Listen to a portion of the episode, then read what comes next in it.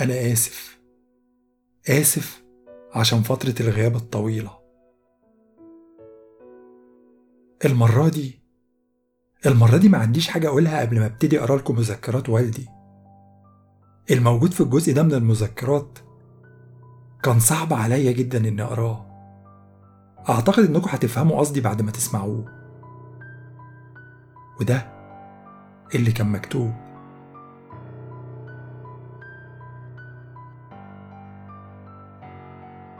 كان عندنا خطة وكان عندنا ميزة ميزة إن إحنا عارفين اللي هيحصل أو على الأقل على الأقل وقتها كنا فاكرين إنها ميزة. أنا مش عارف أنت فاكر قد إيه من اللي أنا هحكيهولك ومش عارف اللي أنت فاكره أثر على نفسيتك قد إيه.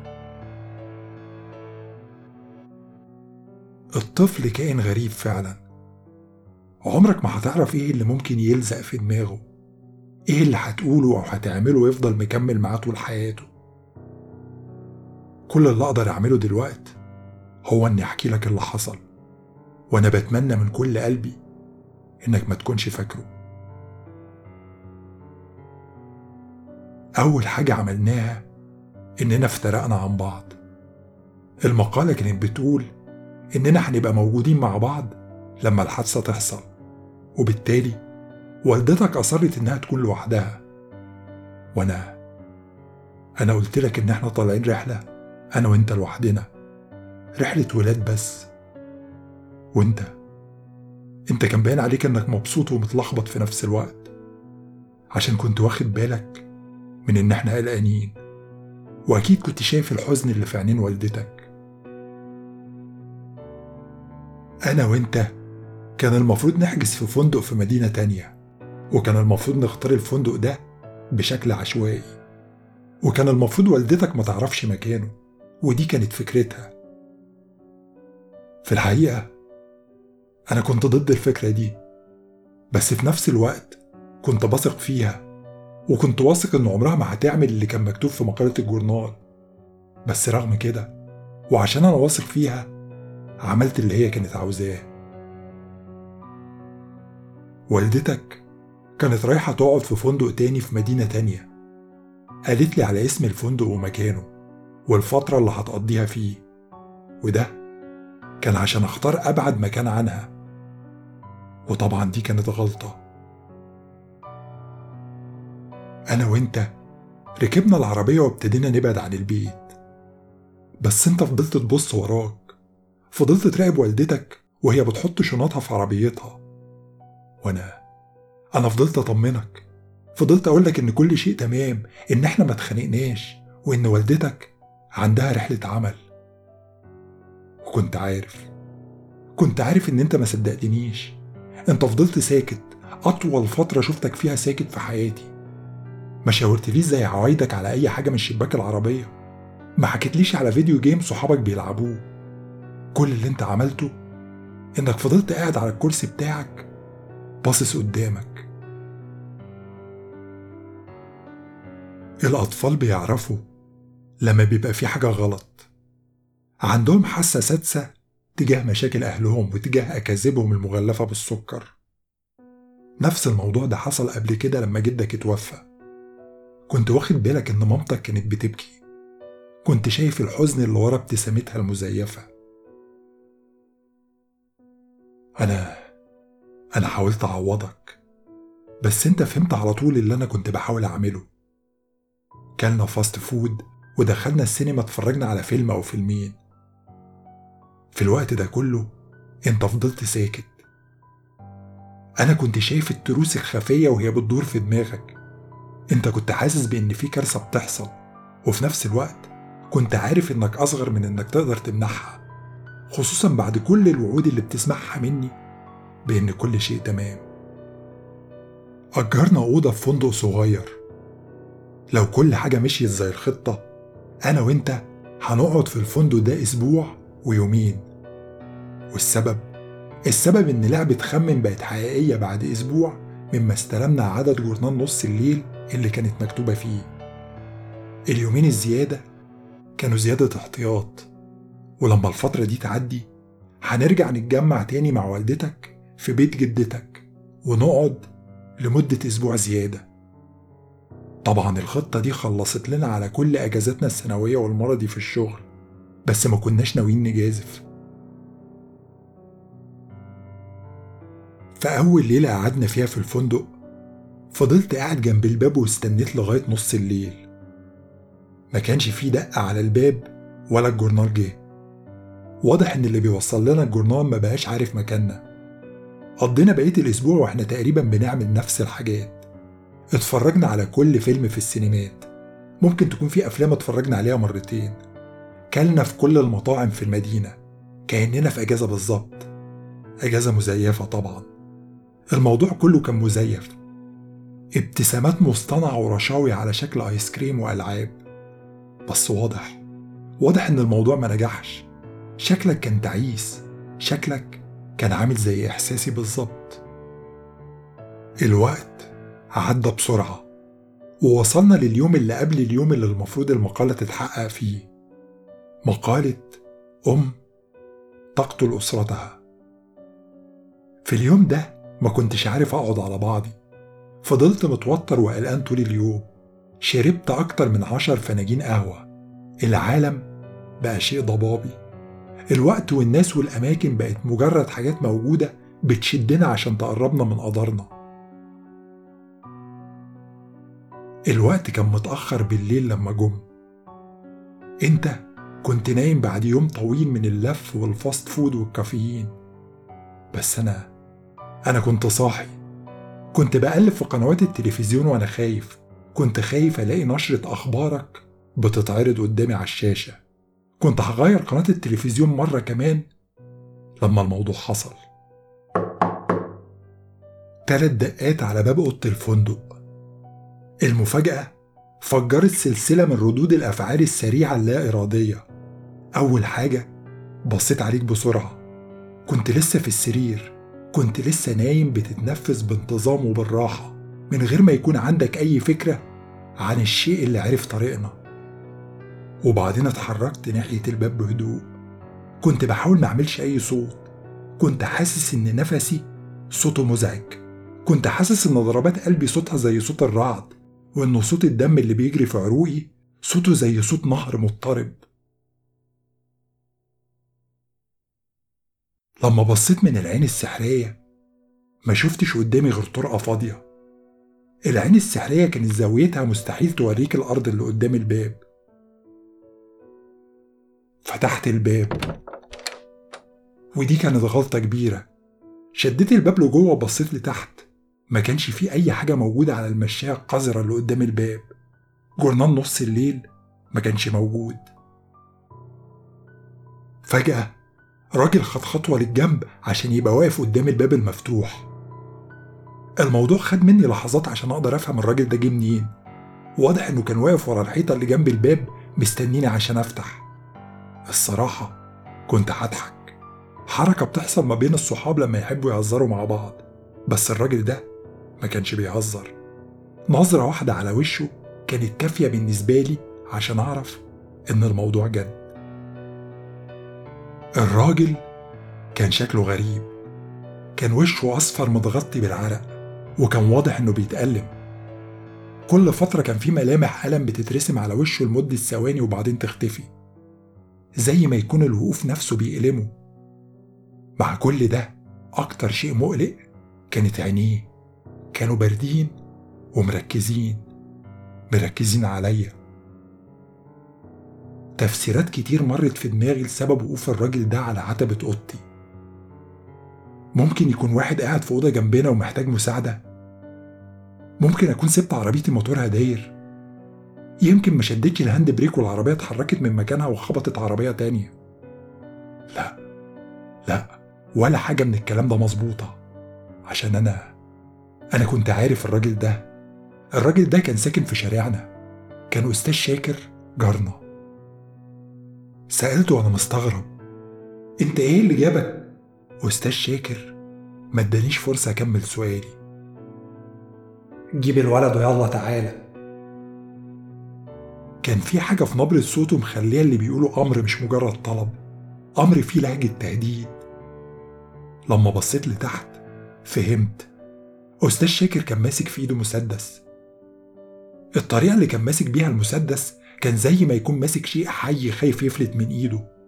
والطريقة دي فهمت منها حاجات كتير.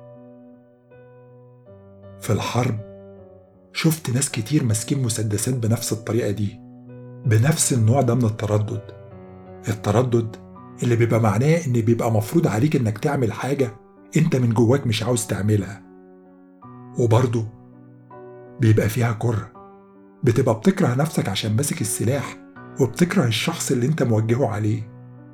والتردد والكره دول معناهم حاجة واحدة إن الراجل ده ماشي ورا أوامر مش مقتنع بتنفيذها. تمام تمام حاضر. قلت له الكلمتين دول وأنا برفع إيدي لفوق. كنت عاوزه يعرف إن أنا ما بشكلش أي تهديد وإني مش مسلح وإن إيدي مش هتتمد بسرعة لجيبي عشان أسحب سلاح. آخر حاجة كنت عاوز الحقير ده يعملها إنه يضربني بالنار قدامك. أخدت خطوة لورا والباب ابتدى يقفل. كتمت نفسي وأنا بتمنى وأنا بتمنى إن الباب يقفل قبل ما شاكر يلحق يدخل الأوضة. بس للأسف حط رجله قدام الباب وزقه لجوه وثبته برجله. أخدت خطوة واحدة ناحيتك وبعدين وقفت. ما كنتش ناوي أنفذ له اللي هو عاوزه. كان ممكن أضحي بنفسي قبل ما أعرضك للخطر. عملت الشيء الوحيد اللي قدرت أفكر فيه وقتها. استفزيته عشان يكشف ورقه. وقفت مكاني من غير أي حركة وأنا لسه رافع إيدي في الهوا. شاكر سألني وهو بيدخل الأوضة. أنت بتعمل إيه؟ يلا جيب الولد. ما ردتش عليه. شاكر خد خطوة تانية لقدام. لو فاكرني مش هضربك بالنار تبقى غلطان. دلوقتي ابتديت أحس بالمسدس على بعد سنتيمترات من ظهري. رد عليا. انت فاكرني بهزر معاك. هو انت مستقل بيا؟ طول عمرك وانت فاكر انك احسن مننا. انت انت ومراتك المغرورة. انت ما شفتش العذاب اللي إحنا شفناه. ماسورة المسدس لمست ظهري وده كان اللي أنا مستنيه. لفيت بسرعة ومسكت شاكر من إيده وزقتها لتحت. دلوقت المسدس بقى متوجه للأرض. ابتدى يعافر معايا وهو بيحاول يرفع المسدس تاني لفوق. كلمته وأنا بجز على أسناني. كفاية كفاية ما تورطش نفسك في جريمة. مش لازم تعمل كده. شاكر رد عليا. لا لازم شاكر كان صحته على قده وجسمه كان أقل من جسمي. كنت قادر أجره وأتحرك بيه بالراحة ناحية الباب وأنا ماسك إيده اللي ماسكة المسدس. بشدة أخيرة خرجت شاكر من الأوضة وثبته على حتة الكوريدور اللي ما بين الأوض. شاكر اتوسل لي. من فضلك لازم تعمل اللي بقولك عليه. احتمال كل حاجة ترجع تاني زي ما كانت. اتجاهلته. شديت ايده وخبطتها في الحيطة بس ايده كانت مكلبشة في المسدس كأن جلده ملحوم في المقبض. فجأة سمعت صوت واحدة ست بتتكلم بصوت هادي وواطي إيه محتاج مساعدة؟ طبعا كل اللي كنت سامعه قبل صوت الست دي كان أنين شاكر وصدى صوت دقات قلبي وهي بتتردد في دماغي. رديت عليها وأنا بنهج وأنا بشد إيد شاكر تاني عشان أخبطها في الحيطة. اطلبي البوليس اطلبي البوليس بسرعة. ما كانش في فايدة. شاكر ما سابش المسدس وطبعا اللي أنا بعمله كان خطر. ممكن في أي لحظة طلقة تطلع من المسدس. كان لازم أثبت إيده على الحيطة وأخبطها بحاجة تقيلة. فجأة الألم انتشر في راسي زي النار في الهشيم والدنيا ابتدت تغيم ورؤيتي ابتدت تسود. إيديا ما بقتش بتطيع أوامري ورجلي بقت عاملة زي الجيلي. وقبل ما أعرف إيه اللي حصل كنت ممدد على الأرض وعينيا بتبص على سقف الفندق القذر. راس واحدة ست دخلت في مجال رؤيتي كانت بتضحك. الست كان شكلها غريب بس أنا لو مكانها عمري ما كنت هضحك عشان مناخيرها ما كانتش موجودة في مكانها. كان في جرح عميق في المكان اللي كانت المفروض تكون موجودة فيه مناخيرها. جرح بينزل سائل أحمر لزج في بقها. أنا مش عارف قدرت أتعرف عليها إزاي. كانت مرات أستاذ شاكر. فقت بطريقة مؤلمة وبطيئة. فقت وأنا حاسس بجمرة من النار في دماغي. جمرة بتنبض كل شوية عشان تفكرني باللي حصل في الفندق. كنت حاسس إن جسمي بعيد زي ما يكون في أميال ما بين راسي ودراعي ورجلي. كل شيء كان بطيء كل رد فعل وكل إحساس. وده كان لغاية ما فتحت عينيا. أول ما فتحتهم اكتشفت اكتشاف مرعب. اكتشفت إني موجود في أوضة الليفنج في بيتي. جسمي اتحفز بسرعة واتجاهل الإحساس بالألم عشان أرجع أسيطر على نفسي من حالة التوهان اللي كنت فيها. حاولت أقف عشان أكتشف لأول مرة إني كنت قاعد. كان في حاجة رابطة إيديا مع بعض ورا ظهري ورجليا. كانوا مربوطين في رجلين الكرسي. كانوا مربوطين جامد لدرجة إني ما كنتش حاسس بيهم. إني أكون مربوط في بيتي على الكرسي اللي والدي ووالدتي أهدوه لوالدتك يوم فرحنا. خلى الدم يضرب في دماغي. خلاني أحس بغضب رهيب. غضب عمري ما كنت فاكر إني ممكن أحس بيه. قلبي دق جامد عشان يأجج النار اللي أنا حاسس بيها في راسي زيادة. لما التفت شفتك. كنت مربوط على كرسي من كراسي ترابيزة السفرة. الكرسي كان كبير عليك لدرجة إن رجليك ما كانوش مربوطين. عينيك كانوا مقفولين وراسك كانت مايلة لقدام بزاوية غريبة. حاولت أناديك. لحظتها بس. خدت بالي إن في حاجة كانت مكممة بقي وملفوفة حوالين راسي. شريط لزق. ممكن يكون نفس النوع اللي استخدموه عشان يربطوا بيه إيديا ورجليا. ممكن أصلا يكونوا خدوه من أوضة مكتبي. ولا في نفس اللحظة اللي وشي شاكر جه في دماغي عشان يفكرني إنه السبب ورا كل اللي أنا فيه الحقير بنفسه دخل الأوضة. شاور لي بإيده زي ما يكون بيعتذر لي. جسمي كله اتنفض وأنا بحاول أتخلص من قيودي عشان أوصل له. بس للأسف كنت مربوط جامد جدا. جامد لدرجة إن التنميل اللي في إيدي ورجلي كان إحساسه زي دبابيس من التلج والنار مغروزة في جسمي. الدورة الدموية كانت مقطوعة تماما عن أطرافي. هو أنا هو أنا فضلت غايب عن الوعي قد إيه؟ على الأقل ساعة. ممكن ساعتين. بصيت بسرعة على إيديك الصغيرين. كان لونهم أحمر غامق لدرجة إنه ممكن يكون أزرق. ممكن يحصل لك تلف في الأعصاب. أنت أنت كده ممكن تفقد إيد من إيديك أو ممكن تفقدهم هما الاتنين. كل ده كل ده بسبب إن جيراننا الأغبياء قرروا إنهم يربطوا طفل فاقد الوعي. طفل عنده عشر سنين. لفيت راسي تاني وبصيت على شاكر وأنا بتأكد إنه يشوف الكره اللي في عينيا الكره اللي بيغلي في عروقي. شاكر رفع إيديه قدام وشه واتكلم بصوت واطي مثير للشفقة. دي دي مش غلطتي مش غلطتي. الشيء الشيء هو اللي خلانا نعمل كده. أنت فاكر إنك اتعذبت؟ فاكر إنك عانيت؟ ده أنا ده, ده أنت حتى لسه ما نزفتش ولا ولا خليت أسرتك تنزف. شاكر اتحرك لحد ما وصل لترابيزة السفرة. عيني كانت متابعاه. كنت واخد بالي إن في سكينة في إيده. كنت كنت هتخنق بلعابي لما شفتها هناك. لما شفتها على الترابيزة جنب صندوق العدة ولفات شريط اللزق.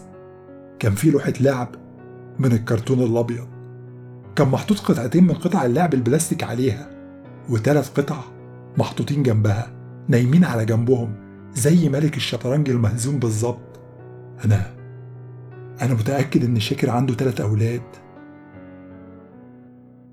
شاكر قال بصوت واطي من غير ما يبص لي. مش حاضر. مش حاضر ألعب لغاية ما مراتي ترجع. صدقني. صدقني لو أقدر أخلي اللي بيحصل ده ينتهي أسرع كان زماني خليته. أنا تقريبا أنا تقريبا خلاص وصلت لخط النهاية. وآه قبل ما أنسى. شاكر اتجاهل أسئلتي المكتومة قبل ما يخرج من الأوضة. بصيت عليك تاني بسرعة. إيديك لونهم بقى أزرق وإيديا إحساسهم كان زي شكل إيديك. سمعت صوت شاكر وهو بيعتل. كان بينهج بصوت تقيل. قبل ما أشوفه تاني وهو بيدخل الأوضة. أنا عارف الصوت ده. ده صوت حد شايل حاجة تقيلة. وبعدين شفت السطح الإزاز اللي بيعكس الضوء وال frame البلاستيك اللي حواليه والفتحة اللي فيه من تحت اللي بيدخل فيها شريط ال VHS كان التلفزيون بتاعنا. شاكر حط التلفزيون قدامي من غير ما يوصله بالكهرباء. وبعدين وهو بيمشي ناحية ترابيزة السفرة قال دلوقتي نستنى. الحقيقة ما استنيناش كتير. ما عداش أكتر من عشر دقايق والتلفزيون التلفزيون فتح. شاشته ابيضت وبعدين صورة ظهرت عليها. الصورة كانت لراجل لابس بدلة رمادي وقاعد ورا مكتب ضخم. وراه كان في خلفية سودة عليها كلمة واحدة. أول ما قريت الكلمة معرفتش أتنفس. أخبارك؟ مقدم الأخبار ابتدى يتكلم بصوت ناعم وهو بيبتسم ابتسامة واسعة بتكشف عن أسنان بيضة. إزيكم ومساء الخير. النهاردة هنكمل تغطيتنا لقصة الزوجة والأم اللي لو قابلتها في أي مكان هيتهيألك إنها أم وزوجة عادية. وعشان ما أطولش عليكم يلا نروح للتقرير المصور. مقدم الأخبار اتحرك للجنب شوية عشان يظهر جنبه مربع بيعرض فيديو. الكاميرا كان بتصور عربية. العربية كانت ماشية في شارع من شوارع الضواحي بالتحديد في شارعنا. اتعرفت على العربية على طول كانت عربية شاكر. وصلتنا أخبار إن مدام ليلي في طريقها لبيتها بس مش هي اللي سايقة العربية. مدام ليلي نايمة على الكنبة اللي ورا وإيديها متكتفين ورا ظهرها. مقدم الأخبار ابتسم بعد ما قال الجملة دي زي ما يكون بينقل أخبار سعيدة. في التلفزيون شفت العربية وهي بتركن قدام البيت. قلبي ابتدى يدق أسرع وأسرع. وأنا عارف إن والدتك موجودة على الكنبة اللي ورا في العربية دي. وأنا عارف إن إيديها متكتفة. وأنا عارف إنها بعد ثواني هتبقى معانا. وهتتورط في اللي جيراننا السيكوباتيين مخططين له. باب البيت فتح. ومقدم الأخبار ابتدى يتكلم تاني. طبقا لمصادرنا مدام ليلي دخلت الأوضة. في نفس اللحظة اللي مقدم الأخبار قال فيها الجملة دي والدتك دخلت الأوضة. حبيبتي ليلي إيديها كانت لسه مربوطة ورا ظهرها. بقها كان محطوط عليه شريط لزق. نظرة واحدة لعينيها كانت كافية بالنسبة لي عشان أعرف. عشان أعرف إنهم مليانين بالدموع وبيتحركوا بسرعة وهم محتارين. محتارين ما بينك وما بيني. ما قدرتش أمسك نفسي ابتديت أبكي. مرات شاكر كانت ورا ليلي. كانت بتزقها لقدام بالراحة. مناخيرها كانت لسه مش موجودة في مكانها. كان لسه في فتحة مليانة بالدم. كان في جروح تانية شبه الجرح ده على إيديها ورجليها زي ما يكون حد قطع جسمها بشكل عشوائي. بس ما كانش في حاجة في إيديها ولا مسدس ولا سكينة طب ليه؟ ليه والدتك كانت مستسلمة ليها؟ مقدم الأخبار كمل كلامه بصوت مليء السعادة السلطات بتعتقد إن الأحداث حصلت كما يلي مدام ليلي فتحت درج المطبخ وطلعت منه أكبر سكينة عينين ليلي وسعت. أنا عارف النظرة دي. شفتها قبل كده في الحرب بس عمري ما شفتها على وشها. أسوأ أنواع الخوف مش لما تبقى خايف من الناس ولا لما تبقى خايف إن حاجة تحصل لك. أسوأ أنواع الخوف لما تبقى خايف إن حاجة وحشة تحصل لشخص بتحبه. ليلي ابتدت تمشي بشكل طبيعي اتحركت ناحية المطبخ صرخت عشان أوقفها. عشان أحاول أمنعها بس صوتي صوتي طلع مكتوم طلع ضعيف ما قدرش يوصل لها.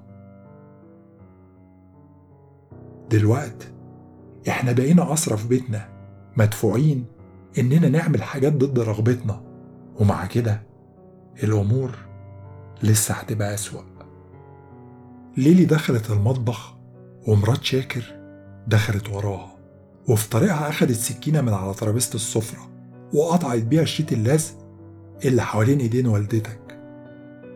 والدتك وقتها كان ممكن تهرب كان ممكن تحاول تخطف السكينة أو كان ممكن تجيب أي آلة حادة من على الترابيزة. بس بدل كده كملت مشي. أنا كنت شايف في عينيها إنها ما كانتش منومة مغناطيسيا. كنت شايف الرعب والارتباك المرسومين على وشها. كانت واعية وعارفة اللي بتعمله وكانت مرعوبة منه في نفس الوقت. ليلي مشيت ناحية درج السكاكين. لا لا ما تعمليش كده. ما تعمليش كده. بس هي ما كانتش قادرة تسمعني ولا أنا كنت قادر أوصل لها صوتي. فتحت الدرج نور لمبة السقف انعكس على نصل السكاكين وبعدين انعكس على وشها. مدت إيديها ولمست واحدة من السكاكين زي ما يكون عندها فضول زي ما تكون عمرها ما شافت سكينة قبل كده. وبعدين؟ وبعدين سحبت سكينة من الدرج ومسكتها في إيديها وهي بتترعش. خبراء المعمل الجنائي صرحوا بإن مدام ليلي خرجت من المطبخ وسلاح الجريمة في إيدها. رجلين ليلي ابتدت تتحرك. كان في تردد في مشيتها المرة دي زي ما تكون بتحارب قوة خفية بتزقها لقدام. كنت شايفها وهي بتقاوم بكل خلية في جسمها. كنت شايفها وهي بتحاول توقف نفسها. مهما يكون الصراع اللي داير جواها دلوقت ليلي بتخسره. الفحص الطبي للجثث بيقول إن مدام ليلي هاجمت ابنها الأول. ابتدت تتحرك في اتجاهك. نصل السكين ابتدى يقرب من جلدك. صرخت. الشريط اللي على بقي كتم صرختي وهي هي فضلت ماشية بتقرب منك. جسمها كان متصلب بتتحرك بحركة غير طبيعية. طبعا أنا أنا عارف مشيتها عارف هي بتتحرك إزاي. دي ما كانتش والدتك. عينيها كانت متوحشة مليانة بالدموع وبتتحرك في كل اتجاه. زي ما تكون بتدور على حد بتدور على شيء يساعدها. لا لا ليلي كانت لسه موجودة جوه. يا ابني يا ابني مش المفروض تقرأ الكلام ده. مفيش حد المفروض يقراه.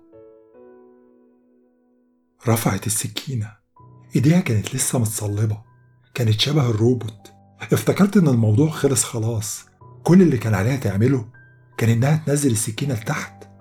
وإنت كنت هتتأذي. أنا أنا كنت واخد بالي من الأشخاص التانيين اللي معانا في الأوضة ومن الراجل اللي في التلفزيون. كنت براقب كنت مستني. ولد ال... ولد الكلب. مقدم الأخبار ابتدى يتكلم بصوت مليان بالنشوة. التشريح أظهر إن مدام ليلي طعنت ابنها الوحيد 25 طعنة في وشه وفي صدره وفي زوره وفي معدته. عين ليلي وسعت. كنت شايف رد فعلها تجاه الكلام اللي بتسمعه. كنت عارف إن عمرها ما هتعمل فيك كده بس في نفس الوقت كنت عارف إنه ممكن ما يكونش عندها اختيار. السكينة ابتدت تتحرك لتحت كانت بتتحرك ببطء. إيديها كانت بتترعش زي ما تكون بتلعب لعبة شد حبل خفية. السكينة بقت أقرب وأقرب بقت على بعد سنتيمترات من خدك اليمين. وبعدين؟ وبعدين ليلي بصت لي. لحظتها كنت أتمنى إن الدموع تبقى أقل تبقى أقل عشان أقدر أشوف عينيها بوضوح أكتر. قضيت سنين وأنا بعيد المشهد ده في دماغي مرة ورا مرة وأنا بحاول وأنا بحاول أفهم معنى بصتها ليا. ما وصلتش لحاجة مؤكدة بس أعتقد إنها كانت بتقول آسفة. من فضلك من فضلك يا ابني ما تقراش الكلام ده. رفعت السكين تاني. الحركة كانت سلسة المرة دي. لو اللي قريناه في المقالة دي حقيقي. أخبارك؟ أخبارك كان عندها قوة. كان عندها قوة إنها بتتحكم في الناس. كانت بتخليهم يعملوا حاجات عمرهم ما كانوا يحلموا في أسوأ كوابيسهم إنهم يعملوها. كان عندها قوة زي كل المقالات التانية اللي كانت والدتك لوحدها بتعرف تقراها. أنا عاوزك تفتكر إنه شر. شر جاي من أعماق الجحيم عشان يفسد الناس. ولأن والدتك ما كانتش زي بقية الناس والدتك كانت أقوى شخص قابلته في حياتي. عشان كده أخبارك ما عرفتش تسيطر عليها. وليلي هزمتها في النهاية. ليلي وجهت السكين بعيد عنك. وجهته على نفسها.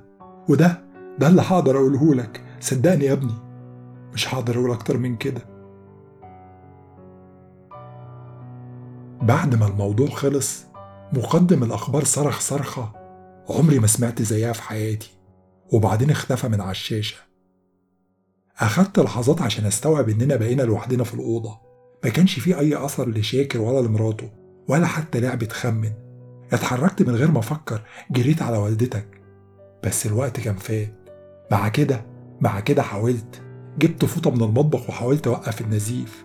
جريتها قريب من التليفون استخدمت التليفون وأنا لسه بحاول أوقف دمها. بس للأسف للأسف الدم كان كتير. ومع الدم كان في حاجة تانية.